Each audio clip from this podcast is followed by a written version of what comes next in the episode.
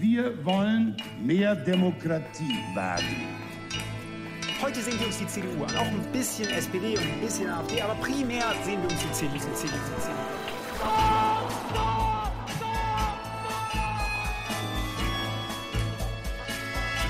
Niemand hat die Absicht, eine Mauer zu errichten. Ich weiß, ich habe heute Morgen in den Spiegel geguckt und dachte, wer ist denn die Hotte Bitch?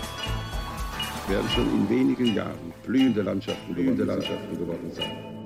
Früher waren wir Lametta. Wir haben so vieles geschafft, wir schaffen das. Herzlich velkommen til Tyskerne episode 80. I studio Ingrid Brekke og Kai Schwind, hallo.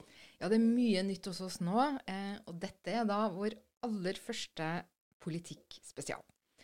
Eh, og her har vi da tenkt å gå i dybden på aktuell politikk og altså følge utviklinga gjennom supervalgåret 2021. Og Timinga på akkurat denne episoden skyldes selvfølgelig at det er to delstatsvalg på søndag. Da skal nemlig både Rheinland-Pfalz og Baden-Würtemberg gå til urnene. Det vil si, mange har jo allerede stemt. Eh, koronapandemien gjør at uvanlig mange har forhåndsstemt.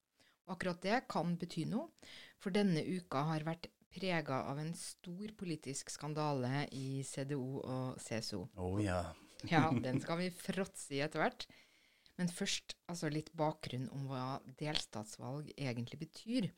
Og du Kai, du har jo stemt ved flere delstatsvalg. Eh, hvor lokalt eh, har du da tenkt? Jo, man tenker jo veldig lokalt. Eh, det er jo det som er litt vanskelig å forstå utenfra med Norge også. Altså det federale systemet og hvor mye tettere på denne strukturen er til hverdagen til folk. Jeg tenker jo når jeg stemmer i Hessen, er jeg opptatt av hvor jeg er fra. Er opptatt av den politikken der, og valgkampen rettes jo nesten utelukket mot uh, temaene som, som, berører delstatsnivå. Samtidig kommer man ikke helt unna den nasjonale politikken. Dette kan jo skape store utfordringer til ulike delstatsvalgkamp og partier der inne. Hvis f.eks. CDU styret i Berlin, uh, og så, må, så, har det skjedd mye der, og tallene går ned. Og så må en CDU-delstatsminister forholde seg til det. òg. så man slipper aldri helt unna, men uh, hovedsakelig tenker man lokalt. Ja, for delstatene har jo høy grad av uh, selvstyre. Mm -hmm. Fordi det er så store forskjeller mellom delstatene, altså det går jo helt fra lille bystaten Bremen til gigantiske Bayern, så er det jo også ulikheter i politisk kultur eh, og hvilke partier som er mektigst. Og hvis min googling nå har vist seg å være korrekt, så er det altså 13 forskjellige regjeringskoalisjoner som styrer i de 16 delstatene, og det er jo en helt enorm eh, variasjon. Og det er jo sånn at sjøl om delstatsvalgene altså dermed betyr aller mest for dem som faktisk bor i delstaten, så er det også viktig for å skjønne den nasjonale politikken. Og det er jo derfor jeg er så interessert i delstatsvalg, uten at jeg bor i noen som helst uh, delstat. Det er jo fordi at jeg vil skjønne hele, det, uh, tyske, hele bildet av tysk politikk, da. Ja, og du tenker altså fordi sånne resultater i en delstats, delstatsvalg kan fungere som, som testløp på nasjonalnivået, det er derfor de er spesielt interessante? Ja, altså man sier jo det at det blir aldri noe regjeringskoalisjon uh, nasjonalt som ikke først er testa på delstatsnivå. Altså ja. gjerne både én og to ganger, og helst i mer enn én delstat. ja. Så derfor så er det jo veldig spennende å se eh, hvordan utviklinga er eh, lokalt. Men i tillegg så har det jo noen rent sånn formelle konsekvenser. da, altså at delstatsvalg kan forandre den politiske sammensetninga i bondesrat. Og bondesrat, det er den eh, forsamlinga eh, som har sitt eget hus ved siden av parlamentet i Berlin. Og alle delstatsregjeringer sender et visst antall eh, representanter eh, dit. Eh, og antallet avhenger av hvor mange som bor i delstaten. Og hvem, hvilke politikere det er, avhenger jo av hvem som sitter i, i regjering. Ja. Så her er det utskiftninger kontinuerlig og, og, og mye flyt. Og denne forsamlinga har f.eks. makt når man skal lage nye lover. Så det betyr mye i det lange løp. Et siste punkt, mm -hmm. eh, som kanskje er det som eh, forklarer best eh, min egen sånn entusiasme for disse valgene, det er jo at det føderale politiske systemet det er også veldig sånn subtilt. Altså Én ting er hvem som vinner, eh, og alle tall og, og, og sånne ting. velger prosenter og sånn. Men det er også noe med å skjønne hvem er på opptur, og hvem er på nedtur.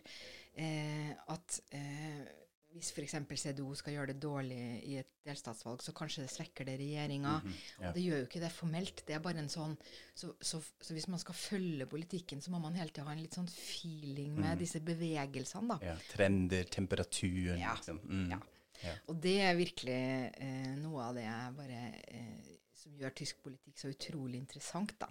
Mm. At, at fordi du har det ekstra nivået, så blir det bare et veldig eh, komplekst eh, eh, system. Um, og man sier jo gjerne i politikken at den som først har begynt å vinne, vinner mer, og den som først taper, eh, har begynt å tape, taper mer. Og det er akkurat disse trendene eh, det handler. Og det er kanskje også en forskjell til Norge, ikke sant? At man ikke har det federale nivået på den måten her i Norge. Eh, som du sa til meg, som jeg syns var en sånn fin illustrasjon en gang. Eh, Norge er litt sånn Bayern, og, og så har man München som, som Oslo, f.eks. Men man har ikke det nasjonalnivået i tillegg som vi har eh, Ja. i Tyskland, sånn sett. Ja, jeg har i hvert fall hatt, jeg skal, Når jeg skal prøve å skjønne det føderale systemet, har jeg hatt hjelp med å tenke sånn at Norge er en delstat, Riktig. ikke Tyskland, på en Ja. måte. Mm. Så, Ja. så det. Men da var det nok eh, bakgrunn. Mm -hmm. Hva skal vi da til selve saken. Og siden begge de to delstatene som skal ha valg, er naboer til din hjemdelstat Hessen-Kai, så kan du kanskje si litt om hva slags eh, delstater dette er? Ja. Den første er jo Rheinland-Pfalz med fire millioner innbyggere. eh, Og den eh, blander man gjerne med, med Hessen, faktisk. Fordi den har mye av den regionen som man kaller for Rheinhessen. Eh, Altså langs Rhinen med all, eh, mye god vin, da, f.eks. Dette er altså hovedsakelig i Rheinland-Pfalz, ikke, ikke i Hessen. Hovedstad er Mainz, eller Mainz som det heter på lokal dialekt. eh, Og her har sosialdemokratene hatt statsministeren de siste 30 årene, så dette er skikkelig SPD-land, Rheinland-Pfalz. Så har vi Baden-Württemberg eh, med 11 millioner innbyggere. Tredje største delstat i Tyskland. Eh, Biland. Mange kjenner jo selvfølgelig Mercedes, eh, og så har det Audi og en del andre. Stuttgart, en store eh, bilproduksjonsby. Og her har De Grønne ironisk nok hatt statsministeren siden 2011. Og dette er den første delstaten med grønn statsminister, så det var veldig mye oppmerksomhet alltid rettet mot Baden-Württemberg. Ja, vi kan jo se litt eh, nærmere på da Rheinland-Pfalz eh, først. Og her har da Malu Dreyer vært statsminister siden 2013. Hun er da sosialdemokrat eh, og har leda to forskjellige koalisjoner. Først en rød-grønn, og de siste fire årene en såkalt Ampel, altså en trafikklyskoalisjon med eh, røde, grønne, gule. De gule er da eh, FDP, de liberale. Eh, og Det betyr at her er da eh, det nest største partiet, Kristelig Demokratene CDO, det er da det største opposisjonspartiet. Og jeg fikk, eh, jeg hørte vel på radio, tror jeg, at jeg fikk, det ble referert en debatt mellom Dreyer og CDOs toppkandidat som heter Christian Baldauf. Og den ble da beskrevet som den kanskje høfligste eh, politiske debatten eh, dette året. Var de veldig mye enig, eller? Det var mer hvordan de snakka til hverandre. Ja, At det var liksom så respektfullt og vennlig og, yeah. og, og sånn. Og jeg gjetter at det har noe å gjøre med at Malu Dreyer hun er helt uvanlig populær. Ja. Altså hun er populær blant langt flere enn de som faktisk eh, stemmer på henne. Mhm. Eh, så hun regnes som en stor politisk eh, begavelse. Um, og mange har jo ønska at kanskje hun kunne bli kanslerkandidat for uh, sosialdemokratene. Og det har hun sagt nei til. Eh, og kanskje skyldes det at hun har MS. Hun sitter eh, delvis i rullestol.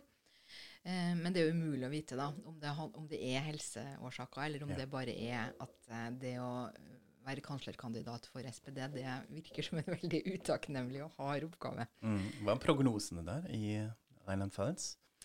Ja, altså på de siste meningsmålingene så lå egentlig CDO og SPD sånn ganske likt. Eh, men CDO har tapt litt på kanten på slutten nå, og jeg syns det ser virkelig ut som om de er på vei ned, og SPD er på vei opp. Eh, og det tror jeg nok skyldes den, denne politiske skandalen som da har rysta Tyskland denne uka. Så nå kan vi endelig snakke litt om det. Og da handler jo det om en, en forbundsdagsrepresentant eh, fra CDO og en fra CSO som har tjent millioner på å formidle salg av denne medisinske munnbind. Har du fulgt med på denne maskeaffæren, som det kalles, eh, Kai? Ja, det går jo nesten eh, ikke an å ikke følge med, fordi dette er virkelig så store snakkes i, i Tyskland akkurat nå. Og det er jo ganske hårreisende. Altså, det er altså to politikere som ble kastet ut av partiet.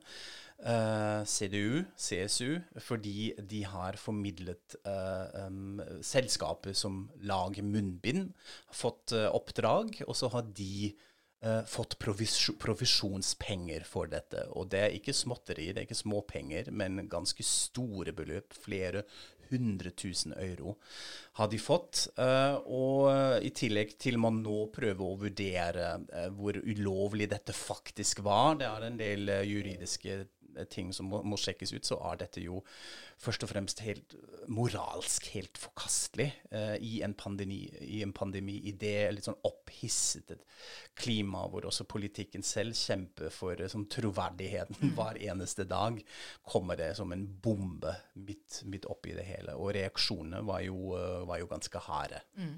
Ja. Vi kan jo se litt eh, nærmere konkret på, på, disse to. Da. Altså, ja. Det er da Nicolas Løbel, som er en ganske eh, ung politiker, 35 år, og dessverre for partiet da fra Baden-Würtemberg, hvor valget er.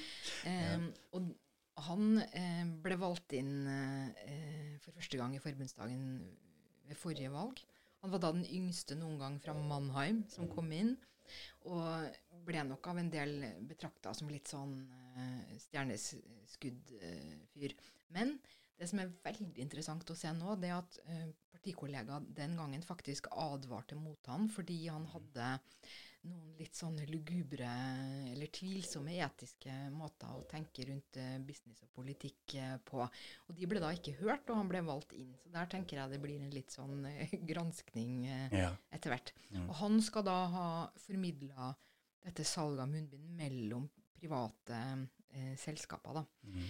Mens den andre, Georg Nyslein, som da er fra Bayern, han skal ha formidla til statlig, altså til Helsedepartementet og til politiet og sånn.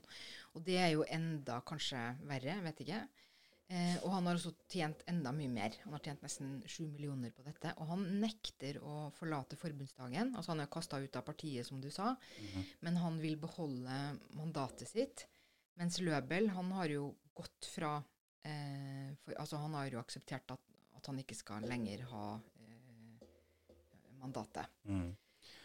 Og dette kommer jo på bakteppet av en del andre skandaler. Altså, vi har jo her i podkasten også snakket om Philip Amthor, eh, som havnet eh, i, i, trøbbel eh, med næringslivet, eh, men som nå, hvis jeg så det riktig, stiller som kandidat til valg eh, til høsten for, til eh, Mecklenburg-Vorpommern. Ja, han er mm. nettopp valgt toppkandidat ja. fra Mecklenburg-Vorpommern. Og Det er jo også en sånn sak som nå hentes veldig frem igjen, selvfølgelig, på bakgrunn av den nye skandalen. Og det Amtor gjorde, det var jo at han drev lobbyvirksomhet for et eh, amerikansk-tysk selskap som heter eh, Augustus Intelligence. Mm. Eh, og han fikk jo ikke penger, men han fikk aksjeopsjoner. Mm. Og det talte kanskje litt i hans favør at det ikke var cash, men det var i hvert fall en ganske stor skandale. Mm. Og han ble ganske fordømt i partiet. Eh, men han er nå altså tilbake igjen ja. eh, for fullt, da. Men det er jo litt rart, kanskje, at man altså har sånn parkert Amtor en stund. Nå kommer han tilbake, mens de andre blir altså virkelig kasta ut av partiet. Eh, hvorfor tror du er det sånn forskjellige i reaksjon da, med tanke på straffe mot de egne? Altså, Amtor, eh, han er både veldig ung altså han, ja. I, i CDO-sammenheng er han veldig ung, under 30 år. Mm. Eh, han la seg helt flat. Lovte å, å, forbedre seg, innrømme alt. Altså veldig sånn når, På sånn uh, skole i 'hva gjør du når du er blitt tatt i noe gærent', så har han gjort alt riktig. Yeah. Og så tror jeg mange tenker, altså ikke bare i partiet, men sikkert også blant velgere, og at, at han er så ung at du får lov til å få en sjanse til, da. Eh, og han regnes som av mange i partiet som en sånn lysende begavelse. Han er jo også fra øst. De mangler jo litt folk fra øst. Så eh, nå får vi se hvordan det går. Mens det er klart at det å, ha, det å profitere på business med munnbind Og dette var jo i fjor eh, mye hvor det var kjempemangel på munnbind. Det er jo så moralsk og etisk forkastelig, helt nesten uavhengig av om de har gjort noe kriminelt. da. Nå vil jeg jo si at det virker som Nyslein nok har jo også gjort noe kriminelt. altså Han er jo under etterforskning for å, å ha tatt imot bestikkelser. Han har samarbeida med en sånn veldig luguber businessfyr, og det er spor til Karibien og alt mulig, postkassefirma og sånn, så her får vi nok se mm, mye mer. Og så var det jo enda en skandale som rammet eh, CDU. Ja, det kom jo en eh, knallmelding her eh, i går om at en, eh, en som heter Mark Hauptmann plutselig trakk seg fra, fra forbundsdagen, som også sitter for er fra Tyringen. Og det handla om eh, Aserbajdsjan. Og dette er en, på en måte en gammel korrupsjonsskandale som har rulla gått i noen år. Eh, nemlig at eh, flere politikere eh, tar imot eh, bestikkelser fra diktaturet Aserbajdsjan for å på en måte drive PR for dette landet i, Europa. Dette handler om politikere i mange land, men det særlig i Tyskland er det da spesielt CDO som har vært involvert. Og det sitter en, en dame i forbundsdagen nå som er under heavy etterforskning. og eh, de ransaka også nettopp kontoret til en som heter Aksel Fischer, også eh, forbundsdagsrepresentant. Um, så det er i hvert fall tre eh, fra CDO som er dypt innvikla i dette. Også dette trekkes jo da selvfølgelig frem igjen. Så da har altså CDO mista tre fra sin fraksjon i løpet av bare en uke, og to av dem er også ute av eh, forbundsdagen. Så dette er drama. Men eh, og tror jeg, ja, det, det siste jeg skulle si ja, om, eh, om hvorfor de tar disse så hardt, det er jo også fordi at pga. at det er nettopp dette supervalgåret, eh, så er dette forferdelig alvorlig for eh, CDO. Det å, å ha sånne antydninger om korrupsjon, og de er jo også i hardt vær allerede fordi mange begynner å bli misfornøyde med hvordan de har håndtert pandemien, ikke sant, så kommer dette. Så de tenker nok at det eneste de kan gjøre nå for å på en måte ikke skue ned i, i velgeravgrunnen, er å ta de som har gjort noe gærent, hardt, og, og vise at de ikke vil ha noe som minner om korrupsjon eh, i egne um, rekker. Men så til eh, Baden-Württemberg, de grønnes gullstat. Um, der har nemlig Winfried Kretschmann styrt siden 2011. eh, og jeg husker at det vakte voldsom oppsikt da den aller første grønne overtok en statsministerpost eh, i en delstat. Det var vi ikke vant til. Det skapte jo også mye debatt innenfor Grønnpartiet, faktisk også. Fordi han er litt kontroversiell diskutert der òg, fordi han er ganske spiselig for de konservative og industrien og sånn. Men nå har alle vant eh, seg til det, og Kretschmann ligger an til å vinne sin tredje periode der med stor margin. Um, hvordan har valgkampen vært i Baden-Württemberg, Ingrid? Ja, vi snakka jo om eh, Rheinland-Pfalz i, i stad. Og der kjemper jo da CDO som et opposisjonsparti. Men her i, i Baden-Württemberg så sitter jo de to største partiene sammen i regjering. De har da en, en såkalt eh, Kiwi-koalisjon. Jeg liker det kjempegodt, det. da. Som frukten, en kiwi. Frukten kiwi. Ja. Og det er, når en, det er en koalisjon der de grønne er større enn de svarte. Aha, så man har sånn grønt kjøtt rundt og små svarte prikker? Ja, nettopp, Okay. nettopp. Skjønner. Og det er jo, uh, hvis det er motsatt styrkeforhold, så heter det bare svart-grønn, da. Ja, Ja. ok. Eh, og toppkandidaten til CDO, det er faktisk en kvinne, det er jo ikke så vanlig for dem, og det, hun heter da Susanne Eisenmann. Og CDO sliter jo tungt pga. på grunn av den skandalen vi nå nettopp har snakka om. Eh, og spesielt da fordi denne Nicolas Løbel kommer fra Mannheim, altså, denne, altså Baden-Württemberg. -hmm. Men det gikk faktisk ganske dårlig for CDO fra før også. Og en forklaring eh, skal være at Eisenmann hun er da såkalt kultusministerin, altså minister for kultur, ungdom og sport i delstaten. Og det betyr at hun under pandemien har hatt en veldig upopulær rolle, nemlig den som hele tida må fortelle foreldre og ungdom at alt er stengt, og at de ikke får gå på skolen. Og dette er Hun, er- hun er også veldig upopulær på målinga, Men- men personlig. Det er jo virkelig altså Under pandemien spesielt finnes det jo virkelig en del stillinger som er superutakknemlige å ha. Fordi du må jo bare gi sånne kjipe beskjeder til befolkningen hele tida, så du har ingen sjanse. Tja, så hvordan tror du det går på søndag der? Ja, altså de ferske meningsmålingene, jeg så en fra Spiegel nettopp, de hadde de grønne på 32% og CDO på 24 eh, Og for begge disse partiene vil jo det være rekorder, altså rekordhøyt for de grønne og rekordlavt for, eh, for CDO. Jeg har også sett målinger hvor de grønne ligger enda høyere. Eh, og på tredjeplass så har SPD sånn 13, AFD 12 og FDP 10. Så hvem som blir tredje største, det er jo ikke så så eh, lett å si. Em, og skal jeg gjette noe om Rheinland-Pfalz, eh, så blir det at Malud Dreyer fortsetter som statsminister. Og for begge steder så gjelder det at jeg tror det blir et helt katastrofalt eh, valg for eh, CDO. Ok, der var spådommen fra Ingrid. Spennende. Men nå har vi jo snakket innledningsvis om dette forholdet mellom delstatsvalg og nasjonal, hva slags betydning det har. Så hva, hvilken av de to tror du har mest oppmerksomhet på nå, med tanke på bondestagsvalg eh, til høsten? da? Altså Det som er spennende i Rheinland-Pfalz, det er jo det at det, det finnes en del varianter av hva som kan bli regjering. Altså om det blir fortsatt ampel, eller kanskje blir det rød-grønn igjen, eller dette. Så det blir jo interessant å følge der. Men det er klart at hovedoppmerksomheten er absolutt på Baden-Würtemberg. Og det er både fordi det er en veldig stor delstat, og dermed viktig i, i disse mer sånn eh, Både i forhold til bondesrat, men mest kanskje sånn de mer subtile maktforholdene vi snakka litt om, ikke sant. Og, og at det er de grønnes superdelstat. Og de fleste som skal nå tør å spå om hva slags regjering som kommer til høsten, tenker jo at det blir en, en svart-grønn regjering. Så denne komboen de har der, er jo veldig interessant sånn på, på eh, nasjonalt nivå, da. Så det blir en superspennende søndag. Og jeg kommer til å dele valgresultatet på Facebook-sida vår så snart det kommer. Da sier vi bare tusen takk for oss, auf Wiederhören. Auf Wiederhören.